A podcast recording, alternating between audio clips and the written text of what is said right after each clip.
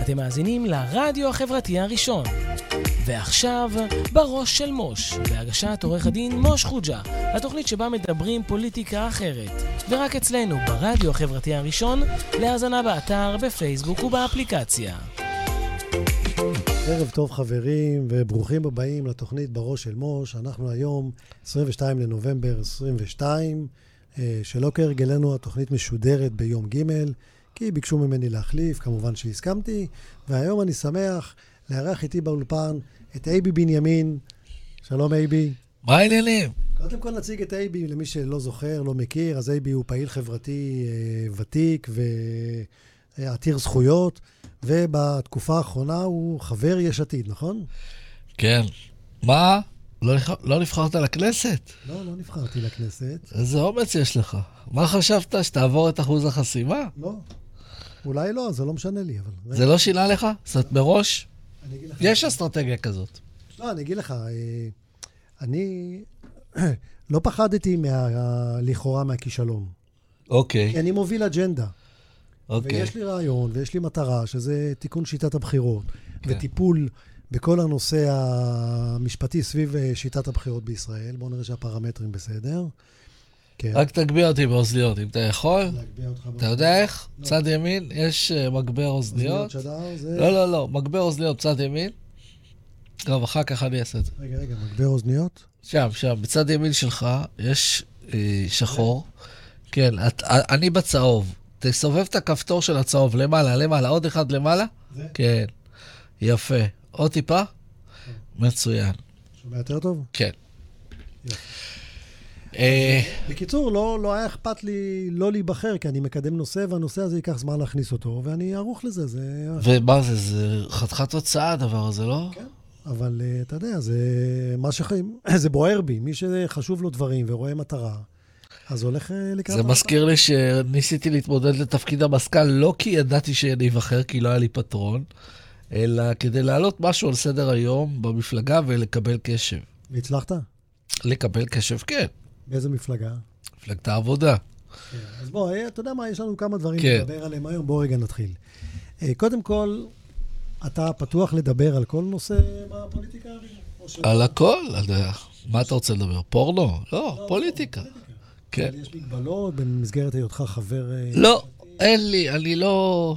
יש דברים שאתה יכול להגיד, יש דברים שאתה... אני לא אהיה סמל של אף אחד. זאת אומרת, נשארת פרי מיינדד. תמיד. הנה, זה חשוב לדעת.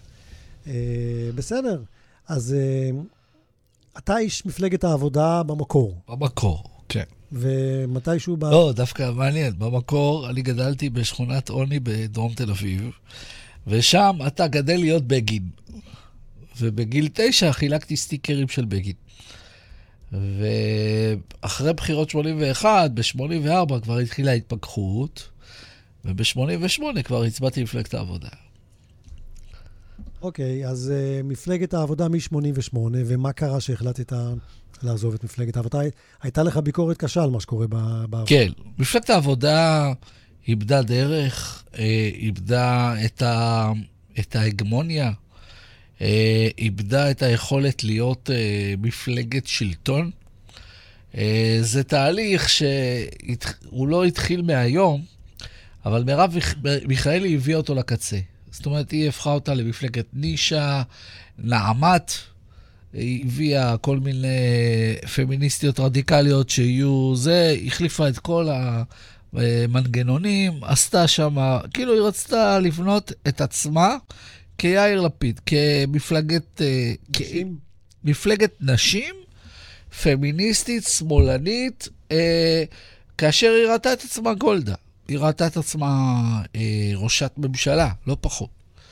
עכשיו, את יכולה לעשות את זה אם את באמת אה, אוטוריטה, זאת אומרת, יש לך, נטעת עץ, בנית בית, ניהלת משהו, ניהלת אה, אנשים, פרויקט, אה, תקציבים, משהו. היא ברברנית בגלי צה"ל, עם כל הכבוד, באמת, היא יכולה ל- לספר לך סיפור מאוד יפה ולהציג לך סרטון מאוד נחמד, ויש לה קול רדיופוני ויש לה יכולת הבעה, אבל אין לה כלום, היא כלי ריק, תכלס. עכשיו, כשהיא רצתה להפיל את עמיר פרץ, אני תמכתי בעמיר פרץ עד שהוא עבר להיות אה, יחד עם ביבי. ואז הפכתי נגדו, אז היא נעזרה בי להפיל את אמיר. וברגע שאני אה, רציתי להתמודד, אז היא גם לא עניין אותה, כי אני... להתמודד על מה? על הרשות? לא, להיות חבר כנסת ש- תחתיה, בסבב הקודם. היא לא תמכה בזה? מה זה לא תמכה? היא דאגה שאני אהיה ברשימות חיסול.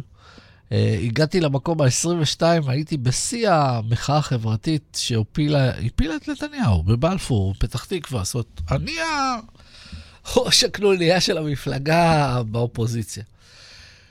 אה, לא, לא בגלל זה אה, אני החלטתי לעזוב, אבל היה רגע שהיא ביקשה להקים תחנה מרכזית אה, בשכונת ילדותי.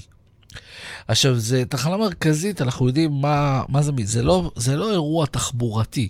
זה הומלסים, זה זונות, זה אה, אה, אה, עובדים זרים, זה אה, אה, סוחרי סמים, זה מה שאתה רוצה, זה הכל, זיהום אוויר, אה, אה, רעש. והיא החליטה, בניגוד לכל תכנון, להכניס אותה לפנורמה בין שכונת תל כביר לשכונת אה, קריית שלום, כאשר יש מקום מיועד לתחנה המרכזית בעוד 20 שנה בצומת חולון, שם יגיע המטרו, שם יגיע הרכבת הקלה, זה מתוכנן, זה בתב"ע, היא לא יכולה לחכות 20 שנה, היא החליטה שמה. עכשיו, כשאתה רואה את המניעים... רגע, כשאתה אומר היא החליטה זה בתור אה, ראשת מפלגת העבודה?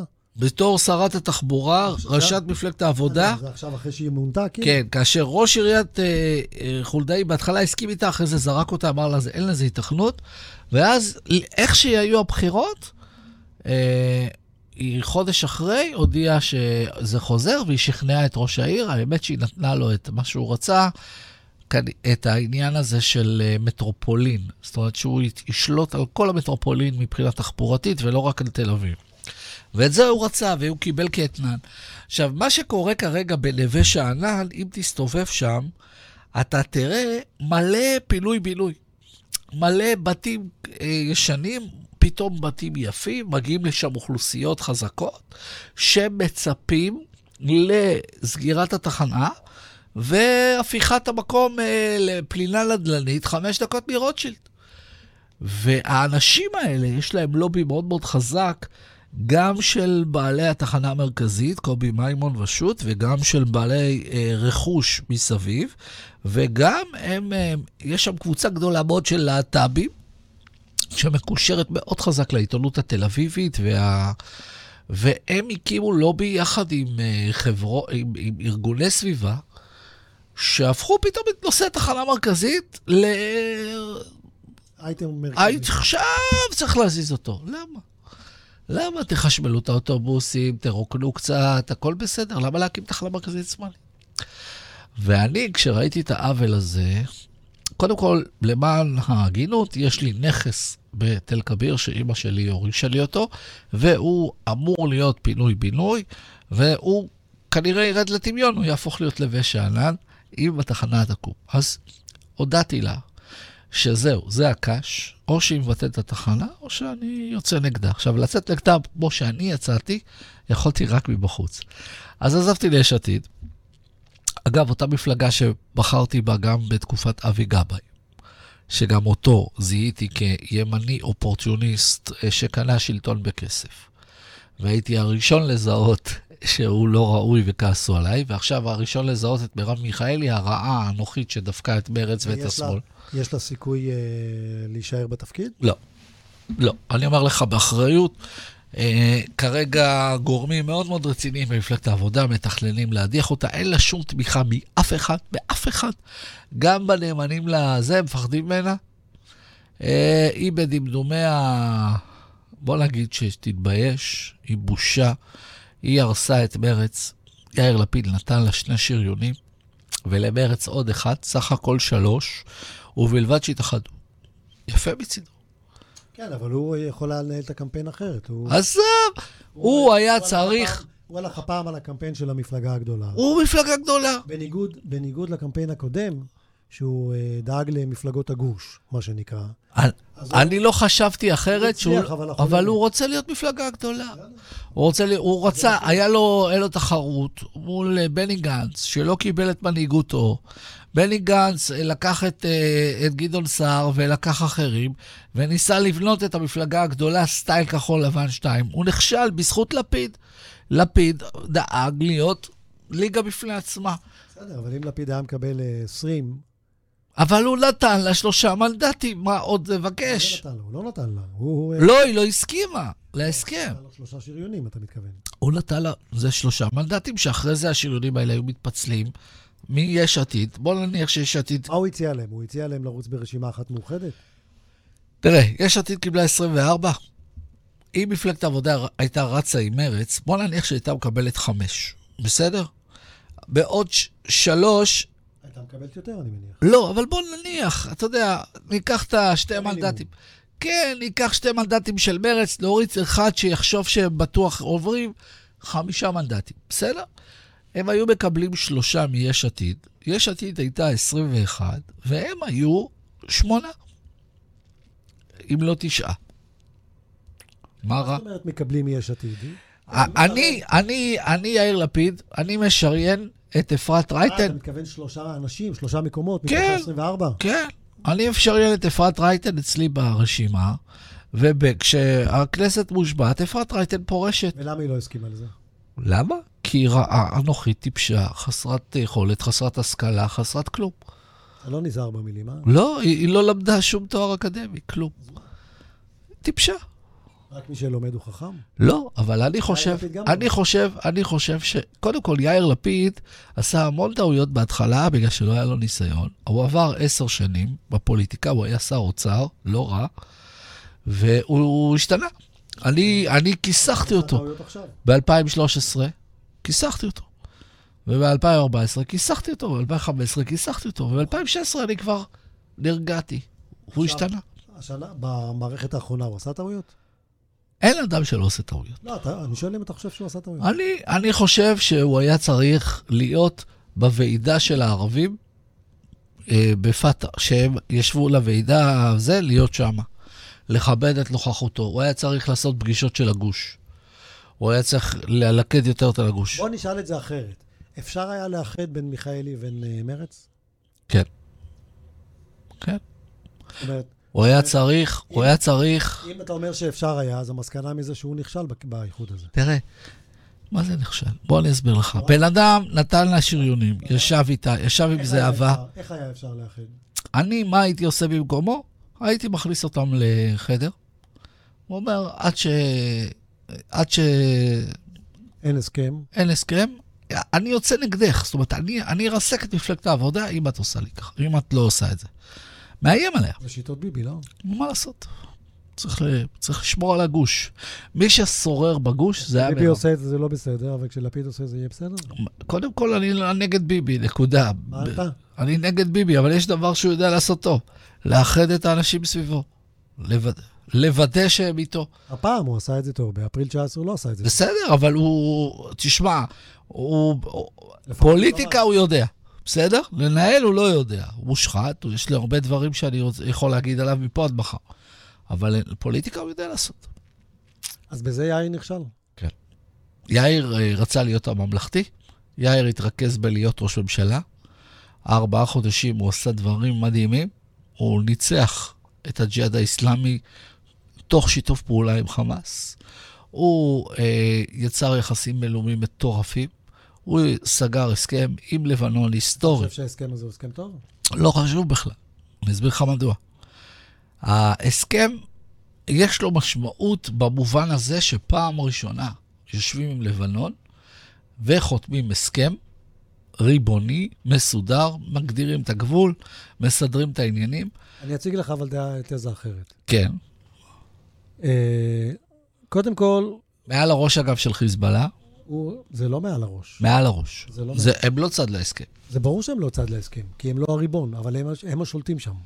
הם מחזיקים, שנייה, הם מחזיקים את הקנה, בל- את האקדח לגרון או לרקה של ממשלת לבנון. עכשיו, ברגע שחיזבאללה שם את האקדח על השולחן ואמר, אם אתם אה, תקדחו או ת- אה, תוציאו גז מכריש בלי הסכם, אנחנו נירה. אז אמר, אז אמר, לא, זה לא ככה. זה לא, אבל זה לא מפחיד, ברגע, זה לא שאלה של מפחיד או לא. ברגע שלא הגבת לאיום הזה, הגבת. אז האיום הזה לא, נ- ונכנסת למשא ומתן, אתה כאילו נתת לו את מה שהוא היה צריך. אז אני, אני, לנהל, נתת לו לנהל את המשא ומתן תחת... יש טעות דרמטית במה ובזה- שאתה אומר. ובזה- המשא ומתן החל שלוש שנים מאחור. זאת אומרת, עוד בתקופת ביבי. נכון. ולמה הוא לא... הוא, הוא לא הגיע, כי הוא לא הגיע לזה, והיה אקדח מעשן. היה אקדח מעשן. הגיע- הוא לא הגיע, כי הוא לא הסכים לוותר. זו נכון, הטענה. נכון. ו- ו- ולפיד אומר, בש- בארבעה חודשים, היה לו חשוב לעשות הסכם. אבל תקשיב, כל מערכת הביטחון, כל השב"כ, כל המוסד, כולם, כולם, כולל כולם, היו בעד ההסכם. רק ביבי נגד. אז מה, ביבי יותר טוב, יותר חכם מכולם ביחד? אני לא בא לסנגר על ביבי. אז תעזוב. אז תעזוב, יום לחימה מול חיזבאללה שווה את הכסף שנתנו להם בגז. עכשיו, אני אגיד לך יותר מזה. הכסף שנתנו להם לקדוח בגז ולהתעשר, זו מדינה מאוד מאוד מאוד מאוד מאוד ענייה. ואתה יודע שעוני מוביל ללאומנות ומוביל לאלימות. כן, אבל תעצור. אז יש לנו אינטרס שלבנון תהיה קצת, קצת תרים את הראש. זה, זה רציונל שאתה יכול לקבל אותו אם אה, מדובר במדינה שלוקחת את הכסף ומשתמשת בו בצורה ריבונית. כך אמרתם גם על אוסלו. שנייה, מי זה אתם? הימין. לא, אני לא ימין, אתה אל תכניס אותי בימין. הטענה היא שמדינה ריבונית כן. משתמשת בכסף. פה, בקטע של חיז... לבנון, אתה לא יודע לאן הולך הכסף, אתה לא יודע מי משתמש בו. נכון, דבר אחד. אבל היא ריבונית. שנייה. דבר שני, דווקא בגלל שהיא במצב כלכלי מאוד מאוד חלש היום, זו הייתה הזדמנות ל- להכתיב את התנאים. ומה שלפיד עשה במשא ומתן המאוד מאוד מהיר הזה, זה שהוא נתן להם, אה, נקרא לזה, סוכריות, במקום שאפשר היה להוציא תנאים יותר טובים. עזוב אותך, אתה לא מבין בכלל. אנחנו ניטרלנו את הפצצה הזאת שקראו לה מלחמה עם איראן, עם חמאס. אה, סליחה, עם- עם החיזבאללה. עכשיו, ניטרלנו אותה. זה בדיוק, זה בדיוק לטעמי הפספוס. מה רע? אני אגיד לך מה. כל דבר שתפתור במשא ומתן, לא. עדיף מהמלחמה. אז התשובה שלי היא שמה שרע בגישה הזאת, כן. זה הפחד ממלחמה. הפחד ממלחמה. וכשאתה מראה... אתה לא פוחד ממלחמה? אני לא פוחד ממלחמה. אני פוחד. אני לא. אני פוחד. ואני אומר לך עוד... עליך אני פוחד. לא, לא, עזוב, אני גם אה, נלחמתי, וגם הילדים שלי, וגם אה, זה, כולנו... למה כולנו- אתה לא פוחד ממלחמה? אני אגיד לך למה. כי במזרח התיכון, כן, תראה, מי שלומד אומניות לחימה, כן, ואני גדלתי באומניות לחימה, כן, אתה מנהל קרב. כן. כשאתה נכנס לקרב, אם, אתה, אם היריב שלך מזהה את הפחד אצלך, הוא תוקף. אוקיי. עכשיו, במזרח התיכון, בשביל לשרוד, כן. אתה צריך להראות, להיות חזק. לא להראות שאתה חזק, להיות חזק. ח- אנחנו חזקים, באותה ולהיות- מידה. להיות חזק, לא כן. זה מוכן להילחם בכל רגע נתון. נכון. וזה, אבל למה להילחם אם אפשר לפתור את זה במשא ומתן? ראה מה קרה עם מצרים, ראה מה קרה עם ירדן, ראה מה קרה עם הרשות הפלסטינית, וזה בדיוק- וראה מה קורה עכשיו עם לבנון. מה רע? וזה מה שקורה עם החיזבאללה. כשאתה מראה לו שאתה מפחד אנא, ממלחמה, ואתה תגיד רוצה לי, להימנע בוא, בוא, ממלחמה, בוא, בוא. אז הוא תקשיב. בדיוק מזהה את הסיכוי, את הסיכוי. תקשיב, אתה- חיזבאללה, אתה יודע, חיזבאללה עד היום, אתה יודע, עד היום, יושב בשקט מאז מלחמת לבנון השנייה הידועה לשמצה. אתה יודע, מה? יש לי שאלה אליך. אתה יודע למה? נו. כי אולמרט, בשלושה ימים האחרונים, שידעו שכבר המלחמה הולכת, הוא החליט לעשות שם, אה, לא יודע מה, בערבית אומרים חרבו דר. אשכרה. הירושימה עשה להם. עכשיו אני שואל... הם בפחד אימים עד היום, תראה, מאולמרט. אתה יודע מה היה צריך לעשות לפיד? נו, היה צריך לעמוד על המיקרופון, ככה להסתכל על המיקרופון ולהגיד לו, חסן נסראללה, אנחנו נבסטנק. בשביל מה זה טוב? בשביל, כי בשביל המאבקי כוח. לא צריך, אתה במש- לא. לא צריך. תראה, מאבקי מוח. לא, לא, לא. כשאתה חי... במ- תראה, לא- אי אפשר להגיד על נסראללה שאין לו מוח. אבל נסראללה אי אפשר פחדן, להגיד עליו- הוא פ- הוא מפחד. אם הוא מפחד, אז מקל וחומר תגיד לו את זה. אבל לא צריך, צריך. לא צריך. מה? כי הוא אחרי כן השיג את תמונת אז הניצחון. מה אתה רוצה? מי, מי השיג תמונת ניצחון? אנחנו השגנו תמונת ניצחון. לנו יש הסכם עם לבנון, אנחנו סגרנו את זה במשא ומתן, יש לנו מעל הראש של חיזבאללה, הכל טוב ויפה. אתה יודע מה אני הייתי רוצה לראות? נו, אני אגיד לך איך. מה, הכל או לא כלום? לא. מה? אני הייתי רוצה לראות את המשא ומתן הזה מנוהל אחרת. לא נכון. שנייה. הוא נוהל מצוין, הוא נוהל מהר וחד. תראה, ביבי לא יודע לנהל משא ומתן. אני לא בא להגן על ביבי, אני רק אומר... תסתכל מה הוא עשה שנייה. עכשיו עם רגע, רגע, עזוב, אל ת- אל תעבור לביבי. סמוטריץ'. שאלת מה היה צריך להיות. מה שהיה צריך להיות זה דבר פשוט. ברגע שנסראללה שם את האקדח על השולחן ואמר, או שאתם קודחים או שאני יורה, היו צריכים להגיד לו, אין בעיה. ברגע שאתה שם את האקדח, אנחנו לא מנהלים משא ומתן. אמרו את זה. רגע, רגע, לא מנהלים משא ומתן. מתחיל לקדוח, מתחיל להוציא את הגז, יומיים אחרי אומר לו, בואו נש- נמשיך את המשא ומתן. בשביל מה? בשביל ל... כי אני רוצה לראות שהוא היה פותח. אז רק במלחמה. שתדע, רק אבל שתדע, זה מלחמה. שאמרו לו שאנחנו נקדח. אם הוא היה מתקפל, אם הוא היה מתקפל, אז היית מנצח בקרב אז הזה. רק שתדע, וזה- וזה מוש, המקום שאנחנו מוסיפים. מוש, אבל רק שתדע עובדות. שלא י- לא יבלבלו אותך. הקדיחות מבחינה טכנית יכלו להתחיל שבועיים אחרי שהוא אמר. בשבועיים האלה סגרו הסכם. ואמרו לו כל הזמן, אנחנו נקדח. אז היו לא צריכים לחכות. אז בשביל מה? בשביל... סגרו הסכם. בשביל להראות. לא. לא, לא צריך. יש. אתה יודע, הוא זורק את הטיל הראשון, אתה לא, אתה לא יודע איפה הוא ייפול ומה יקרה, ולאן זה יתגלגל. אתה רוצה את כל הש... את כל ה... אתה יודע כמה טילים מדויקים יש לו? תשמע, אם- אם יש לו טילים מדויקים, אולי עדיף לדעת את זה עכשיו מאשר... אבל אנחנו יודעים. למה אתה לא? אני עכשיו עושה גוגל, אני אומר לך כמה טילים מדויקים יש לו. זה נתון שאנחנו חיים איתו. אבל... לא חי... אתה יודע, זה פחד אלוהים. בסדר. אז זה כבר... לא, אתה לא מפחד. אני מפחד. אבל אז מה? אבל זה הולך ל- לדלק ב- זה נושא אחר. במפרץ חיפה. זה נושא אחר. כשאתה חי במזרח התיכון, תראה, חלק מהתפיסת ביטחון שלנו, כן, השגויה כן, של מדינת ישראל, לדעתי, כן. ב-20 שנה האחרונות, כן. ואני אומר שבתפיסת הביטחון שלי יש ארבע רגליים. איזה תפיסת ביטחון יש לימין בכלל? לא יודע לימין, לי יש תפיסת ביטחון שלי, אוקיי, של ארבע רגליים. כן. הרגל הראשונה זה בניין, זה עוצמה צבאית. יש, לא בטוח. יש. אני אומר לך שאולי יש לנו עוצמה צבאית כלפי חוץ, נו. עוצמה צבאית כלפי פנים, אני לא בטוח שיש לנו, מה זה כלפי פנים? כלפי ביטחון פנים, משילות, מאבק. לא, עזוב, דיברנו, אתה- רגע, רגע, שנייה. כלפי ו- חוץ. וכלפי חוץ, זה גם בסימן שאלה, אם אתה מקשיב לדברים שאומר יצחק בריק, אז אתה חושב שאולי אין לנו את הבניין הכוח אוקיי. okay. הזה, ב- כלפי חוץ.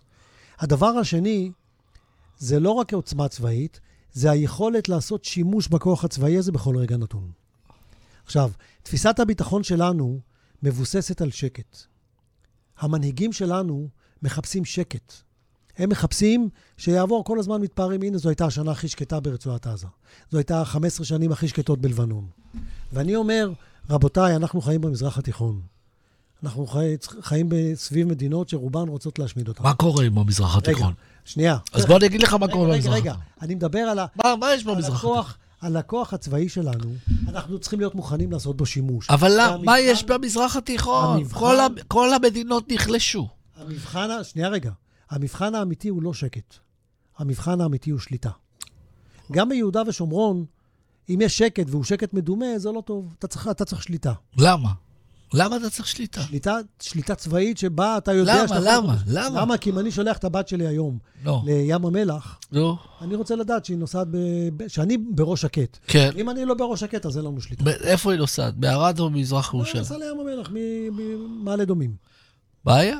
בעיה. אתה יודע למה? נו, כי לא- כי אוסלו לא הספיק לטפל במזרח ירושלים. לא יודע, זה- זה זה המצב. אבל זה, זה, זה, רצחו את רבין. לא הספיק. אתה, זו תפיסה, זו אה, טענה שלך, יש לה... הרבה למה, טענות. למה, למה?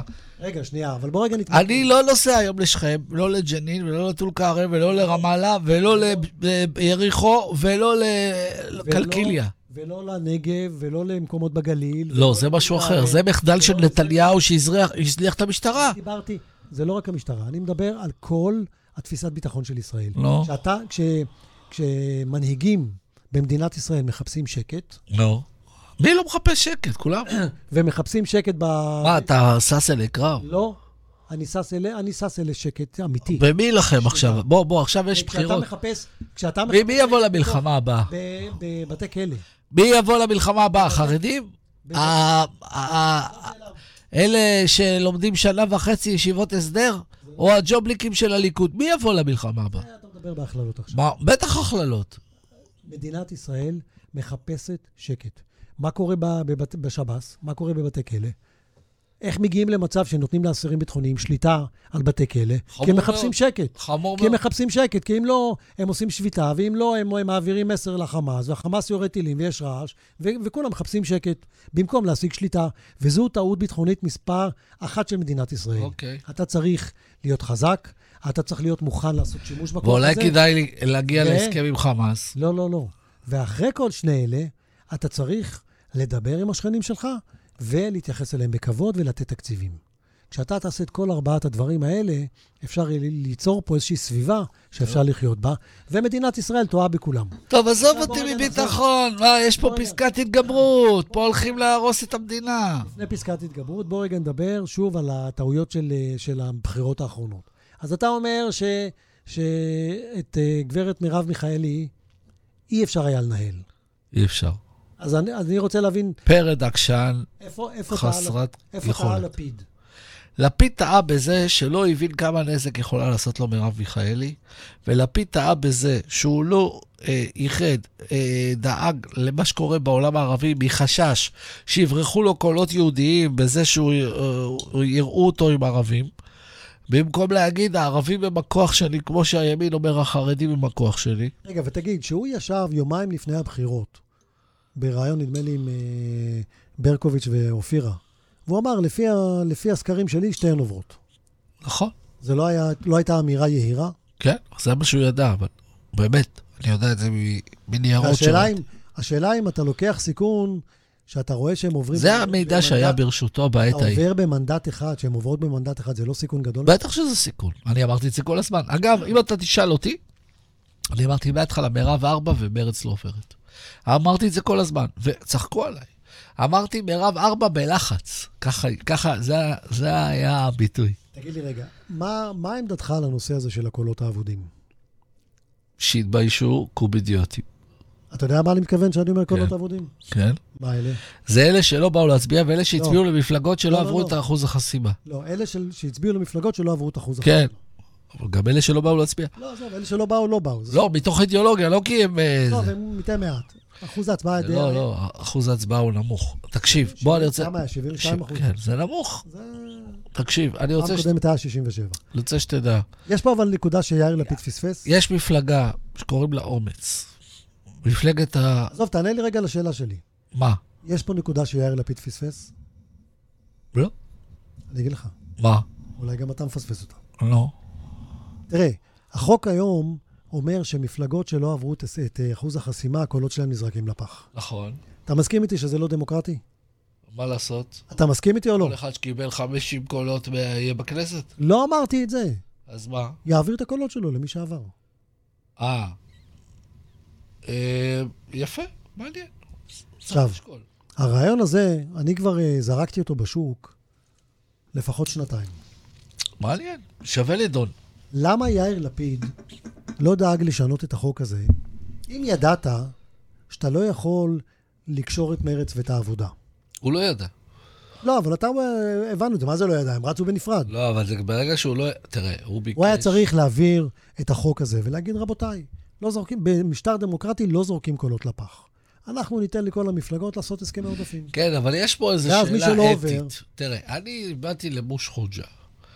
אני שונא את ביבי, ומוש חוג'ה מסתובב בערוץ 14, והוא נתן את הקול שלי לביבי. אני אהרוג את מוש חוג'ה. לא, אתה, אתה מראש תדע את זה. איך אני אדע?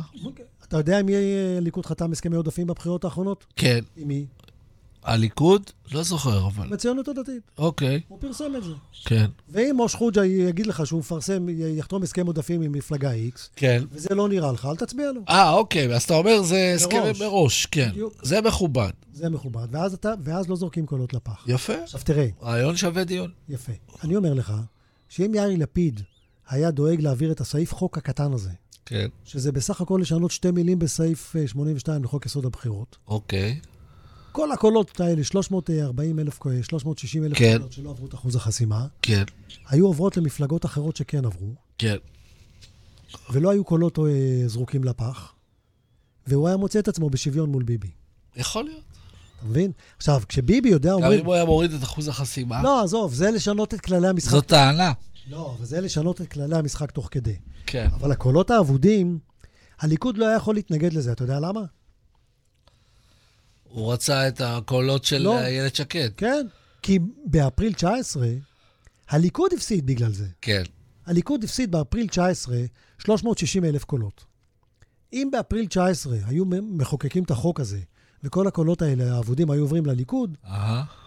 נתניהו היה ראש ממשלה באל- באפריל 19 ולא היינו כן. נגררים לארבע סבבים האלה. צודק. וזה לדעתי הפספוס הכי גדול של יאיר לפיד. אה. שמע, יש לנו 20 דקות. אתה עורך דין.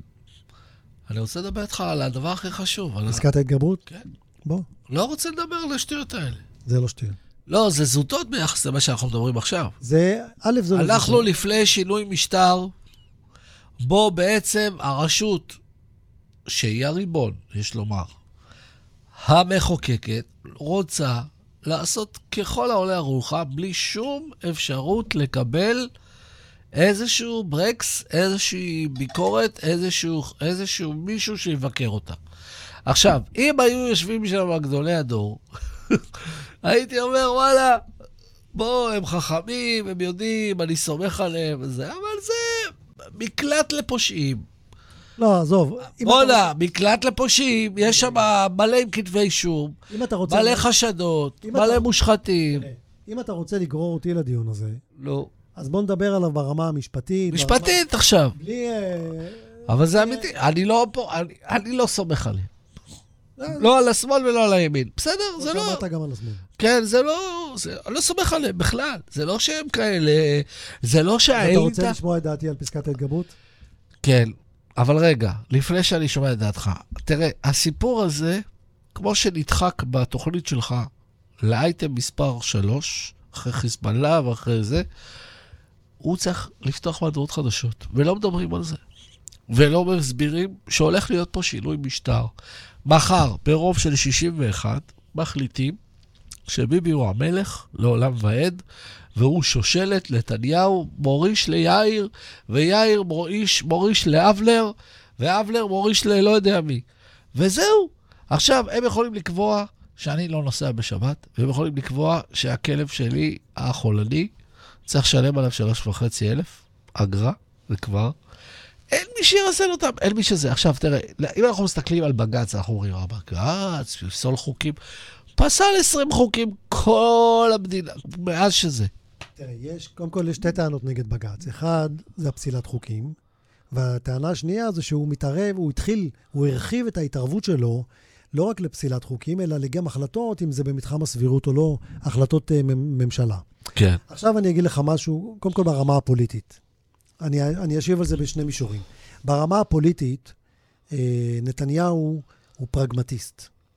כבר לא. לא יודע, להפך. הוא... שנייה, שנייה. הוא- תמות לבשים פלישתים היום. לא, לא, לא. פעם הוא היה פרגמסטי. לא בטוח. לא, לא, הוא תמיד היה פרגמטיסט. ה- לא הצ- תמיד. ההצהרות של נתניהו... ברגע שהוא עומד על- על על בית המשפט המחוזי ואומר, תפרו לי תיקים, זה, זה, זה, משטרה עזוב, זה- מושחתת, פרקליטות מושחתת, בית משפט מושפט, תראה, ת- תלכו אני עליהם. לא בא לסנ- לא בא לסנגר על נתניהו. הוא לא- הוא כבר לא פרגמטיסט. אני רק אומר לך שאם תסתכל ברמה המדינית למשל, כן. הוא אף פעם, הוא דיבר, הוא, הוא דיבר במילים מאוד מאוד נחרצות, מאוד מאוד לוחמניות, מאוד מאוד ימ, ימניות. המעשים שלו היו הרבה פחות. הוא שמאלן. הוא, היה- הוא היה הרבה יותר זהיר בפרקטיקה, במדיניות שלו, כן. ממה שהוא דיבר. נכון. זה מה שאני אומר. עכשיו, הוא פחדן. לא יודע, זה אתה אומר. אני אומר לך שהוא היה פרגמטיסט. אוקיי. אתה תגדיר הוא את זה. איך שאתה פחדן. רוצה. בסדר, זו טענה שלך. הוא שחרר מחבלים, בסדר. אף אחד לא נתן... עכשיו, לפני- רגע, שנייה. לא. לגבי, לגבי פסקת ההתגברות, כן. אני אומר לך שהסכנות הפוליטיות הן מאוד מאוד גדולות, ויש שתיים. אחת, אוי ואבוי לו לראש ממשלה, שצריך לתפקד עם כנסת, שבה כל חבר כנסת יכול להגיד לו, אדוני, תחוקק חוק, ואם הוא יבוטל, הרי מה, מה השוט שיש היום לראש ממשלה? הוא אומר לו, שמע, זה לא יעבור בג"ץ. אבל אם הוא יחוקק את פסקת ההתגברות ב-61, ואותו חבר כנסת יגיד לו, אדוני, שטויות, בג"ץ אה, יפסול לנו את החוק, נחוקק אותו מחדש בפסקת התגברות 61. הוא הופך להיות בן ערובה של כל חבר כנסת. וכך אי אפשר לתפקד, אז זה טוב, זה שזה לא יהיה. שזה לא יהיה. אז אתה אוקיי. ולכן, נגד. אני לא נגד, אני רק אומר לך, אני רק אומר לך שראש ממשלה, תהיה נגד. אני תכף אסביר לך למה אני נגד, ואני אגיד לך באיזה תנאים אני בעד. אוקיי. אני רק אומר לך שמבחינה פוליטית, ראש ממשלה שיעשה את זה, הוא כורת לעצמו את הענף שהוא יושב עליו. לא, אבל ביבי... הוא לא יוכל לתפקד. ביבי שם את זה כדגל. לא, לא, לא. ביבי יודע יפה מאוד לשמור על הכיסא שלו. ולכן אני בכלל לא בטוח שמבחינה פוליטית הוא יעשה. זה- זה דבר אחד. דבר שני, יש פה סכנה עוד יותר גדולה. והיא בכלל מכיוון אחר לגמרי. חיילי צה"ל. כי בג"ץ, שברגע שיש לבג"ץ סמכות ל...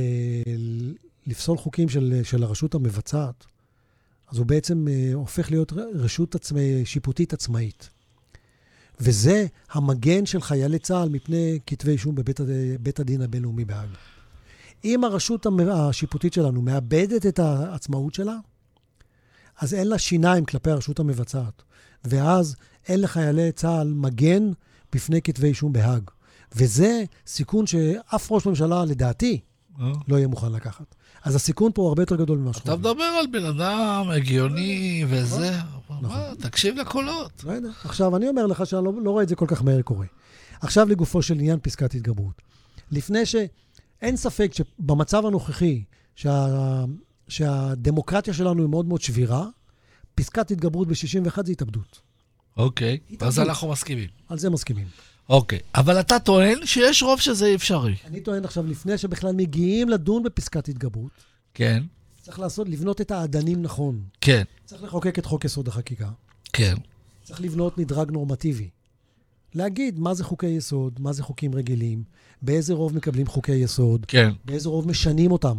יש רוב מיוחס, יש רוב של שתי שליש, יש מספרים. יש יש בחוק, ב- ב- בחוק, אני אישית הייתי מעדיף לראות את חוקי היסוד שלנו, ודרך אגב, אחרי שאתה קובע את הדברים האלה, כן, הייתי רוצה שהכנסת תעשה סבב על כל חוקי היסוד שלנו, ויש בערך 12, כן, ותאשרר אותם. מחדש. מחדש, ברוב שקבעת. אין בעיה, שזה חוק- חוקה אפילו. וזה יהיה החוקה. בסדר גמור. זה יהיה החוקה. עכשיו, לדע- לטעמי, חוקי יסוד צריכים להתקבל ברוב של בין 70 ל-75 חברי כנסת. אז בוא אני אסביר לך משהו. אחד מכללי היסוד בדמוקרטיה זה שמירה על המיעוט. מי שלא שומר על המיעוט הוא לא דמוקרטיה. מבין? יש. אני למדתי תואר ראשון ותואר שני במדע המדינה, ויש שם את העשר הכללים לדמוקרטיה, ואחד מהגדולים שבהם זה שמירה על זכויות מיעוט. עכשיו אני אסביר לך, מיעוט הוא מיעוט. הוא יכול להיות מיעוט של 51, כן? בכנסת, והוא יכול להיות מתוך 120, כן? זה לא 51 אחוז.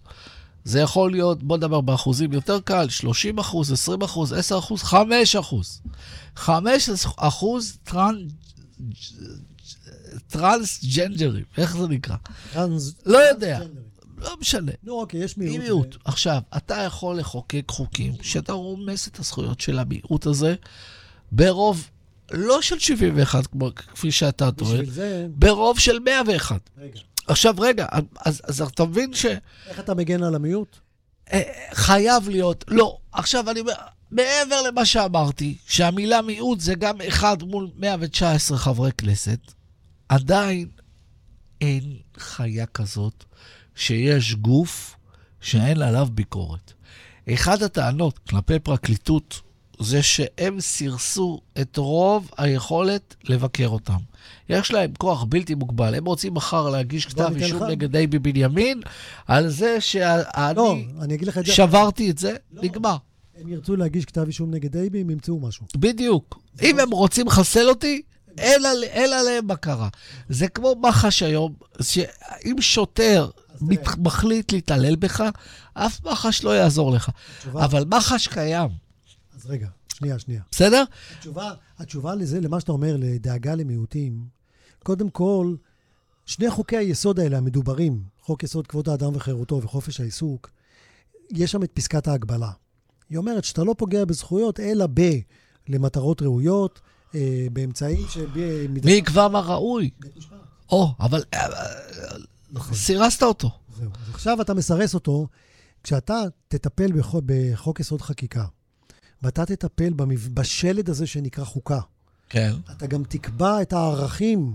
אתה תהיה חייב לטפל בערכים. אני מוכן לדון רגע, בכובד ראש בחוקה שיביאו, ובלבד שיהיה כלי מרסן לכנסת. חייב להיות כלי מרסן. אבל הוא, על- אין, אין לי יותר חוץ מבג"ץ. הכלי המרסן... יש תקשורת רגע, רגע, שהרסו אותה. שנייה.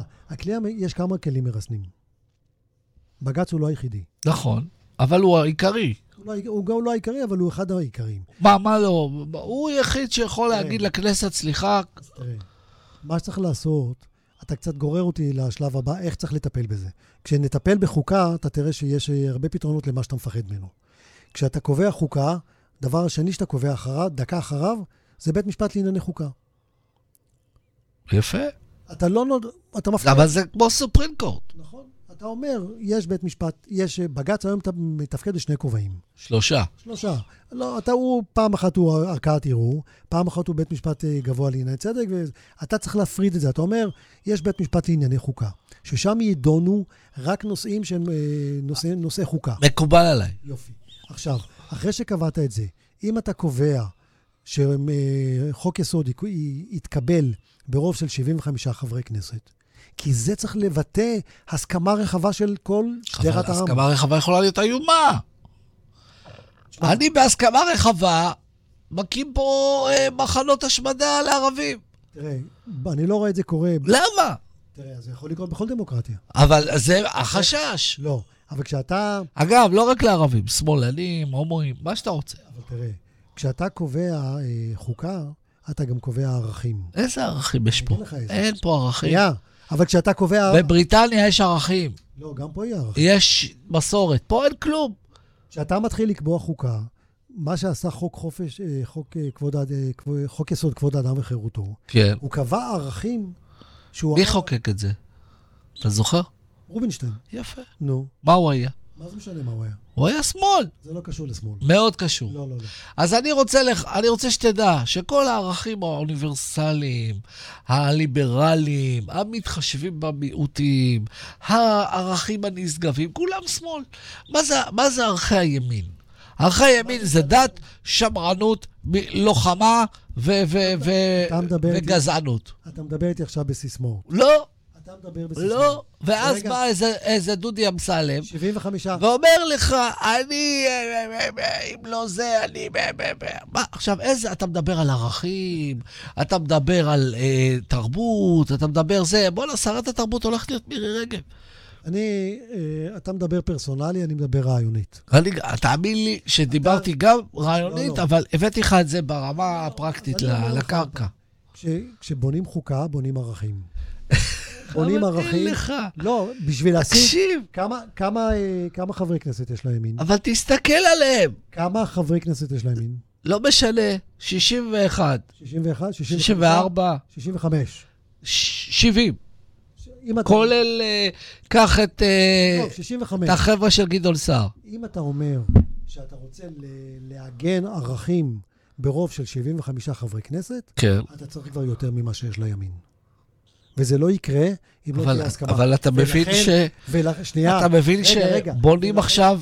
ולכן אתה חייב, לכן אתה חייב שתהיה הסכמה רחבה. אז אני אסביר לך למה זה, לא. על מנת להשיג את זה, אתה צריך לשבת. כדי להשיג את זה, הולכים לערבים, או נותנים להם כסף, ומקבלים רוב זמני לאיזה ערך שאתה רוצה. תשמע, אז לפי, דל- לפי, לשיטתך בחיים לא תהיה חוקה בישראל. צ- אה, קודם כל, הגיע ככל הזמן ש- ככל שהרף יהיה שנשים יותר- את זה בכלל על השולחן. היום אף אחד לא מדבר על זה חוץ ממך. ככל שהרף יהיה יותר גבוה, אתה, אתה מקצין יותר את המיעוט.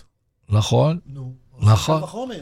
נכון, אבל אה, לא יעזור שום כלום. בשורה התחתונה, אנחנו ראינו איזה חקיקה פשיסטית הביאו הימין מאז שביבי היה לו כתבי אישום. אה, חוק ההמלצות וחוק הזה, הם עוד ומלא לא- דברים. הם עוד לא הביאו, מה שאתה רוצה היה שם. איפה, אם לא היו עוצרים אותם, הם היו מחוקקים חוק שאי אפשר להגיד, חוק צרפתי, פלוס התגברות, פלוס מה שאתה רוצה. תראה, חוק צרפתי, אתה רוצה מילה על חוק צרפתי? אגב, למאזינים לך. שלא יודעים, חוק צרפתי אומר שאי אפשר להגיש כתבי אישום נגד ראש ממשלה מכהן עד שהוא אוסף את התפקיד. הוא יכול לרצוח אותך והוא יהיה בסדר. אתה הולך, הוא סבבה עם זה. אתה הולך למקרה הכי קיצון שיש. כן, הרי קודם כל- אותי היו זורקים לקרישים אם יכלו. שנייה. חוק צרפתי, אה, יש בו היגיון. אתה רוצה ליצור יציבות בשלטון. ואתה אומר, למעט עבירות אה, מסוימות, שהן באמת ברף הכי קשה של, ה, של חוק העונשין, כן. אם זה עבירות של מרמה, הפרת אמונים, כל מיני דברים מהסוג הזה, שחיתות, שוחד, שוחד, שחיתות כן. וכולי, צוללות למצרים. תחכה, תחכה לסוף הקדנציה ואז תעשה את זה. עכשיו, תראי, אבל למה רק בצרפת יש את החרא הזה? אה, והנה, דרך אגב, אה, איך קוראים לו? סרקוזי, לא? אחרי שהוא סיים את הקדנציה שלו, חיכו לו כתבי האישום, הם לא הלכו לאיבוד לשום מקום, כן. והוא מרצה עכשיו מאסר, אה, מעצר בית על, ה- אה, על הענישה שהוא אה, הוא הורשע בה, וזה לא הלך למקום, לאיבוד לשום מקום. עכשיו, לחוק צרפתי יש היגיון, משפטי. כן. כי אתה, בייחוד במדינה כמו שלנו, שהפרקליטות היא בלתי מרוסנת, והיא יכולה... מה, אתה חושב שתפרו לו תיקי? אני לא, אני לא, אל תכניס אותי לנתניהו. אני חושב שאת, שלפרקליטות יש כוח, אתה בעצמך אמרת, שהיא יכולה לתפור לך תיק, חבל על הזמן. אז אם היא יכולה לתפור לך, לא לתפור לכל אחד. נכון, אבל הכל. במקרה של ביבי פרמו לו תיקים. אני לא אומר לך אם... ת- אני לא נכנס לביבי. זה מקרה הפוך.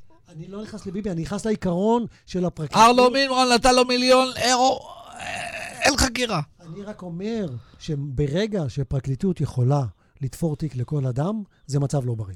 מסכים. ועם זה- ועם זה צריך וגם על לטפל. הפרקליטות צריך אה, בקרה, וגם לזה יש לי רעיון. וגם על זה אני בעד. גם לזה יש לי אני רעיון. בעד בקרה ב- באיזונים ובלמים. אתה יודע מה האיזון, מה האיזון ההכרחי שצריך לעשות במדינת ישראל? להעיף את ביבי. לא. להקים פה, האיזון. צריך להקים פה את, הר, את הרגל הרביעית שחסרה לנו ב, במשולש. יש לנו את הזרוע המחוקקת, יש לנו את הזרוע המבצעת, שהן די קשורות אחת בשנייה. מה זה קשורות? תלויות. יש לנו את הזרוע השיפוטית, חסרה הזרוע האחרת, הזרוע המבקרת. צריך להקים במדינת ישראל את הזרוע, את הרגל הרביעית, אני איתך. והיא תיקרא הרשות לבקרה.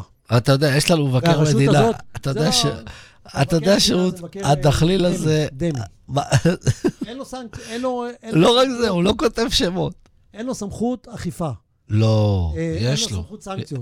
אבל הוא לא משתמש בה. הוא לא משתמש, ברגע שאתה לא יכול... הביאו את... את- איך ברגע קראו שאתה- לו? אדלמן, איך קראו לו? טליה עגלמן. אנגלמן. ברגע הלכתי שאתה לא אליו יכול להגיש כתב הביתה אישום, אתה איך שהוא נבחר. אה, מה זה זה? זה ביבי, אתה מבין? הוא לא רוצה... הוא לא רוצה שאף אחד יגיד לו מה לעשות ולבקר אותו. תראה, בגדול, אה, אני חוזר לחוק הצרפתי. איפה הוא יש לזה- מצא אותו בכלל? יש לזה- מצא- יש לזה פתרונות. טוב, שורה תחתונה, פסקת התגברות, אם נחזור לנושא. בשביל לטפל בפסקת ההתגברות, צריך לטפל קודם בחוק יסוד החקיקה. לא רגע אחד לפני. ובמצב אני לא הנוכחי... מסכים איתך, לא צריך פסקת התגברות, נקודה, וכן צריך לטפל בחוק יסוד החקיקה, וכן צריך חוקה, וכן צריך אז אני אתן בקרה, לך, אני אתן לך טיעון, ופסקת התגברות לא יכולה להיות ב- במשטר מתוקן. אני אתן לך תשובה למה כן, ואולי בזה נסיים את התוכנית. המתח המובנה בין הרשות המבצעת לבין הרשות השופטת הוא מתח בריא. נכון, אנחנו לא צריכים לפחד ממנו. נכון.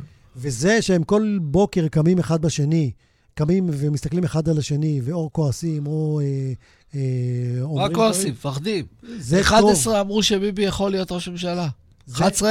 זה, זה, זה מצב טוב. עכשיו, גם הרשות המ- השופטת צריכה לדעת שיש עליה בקרה, שהכוח שלה הוא לא בלתי נשלט, כי אחרת אין לך דרך ל- לשנו, אה, לשלוט בה או, אתה יודע, ל- ל- להצליף בה.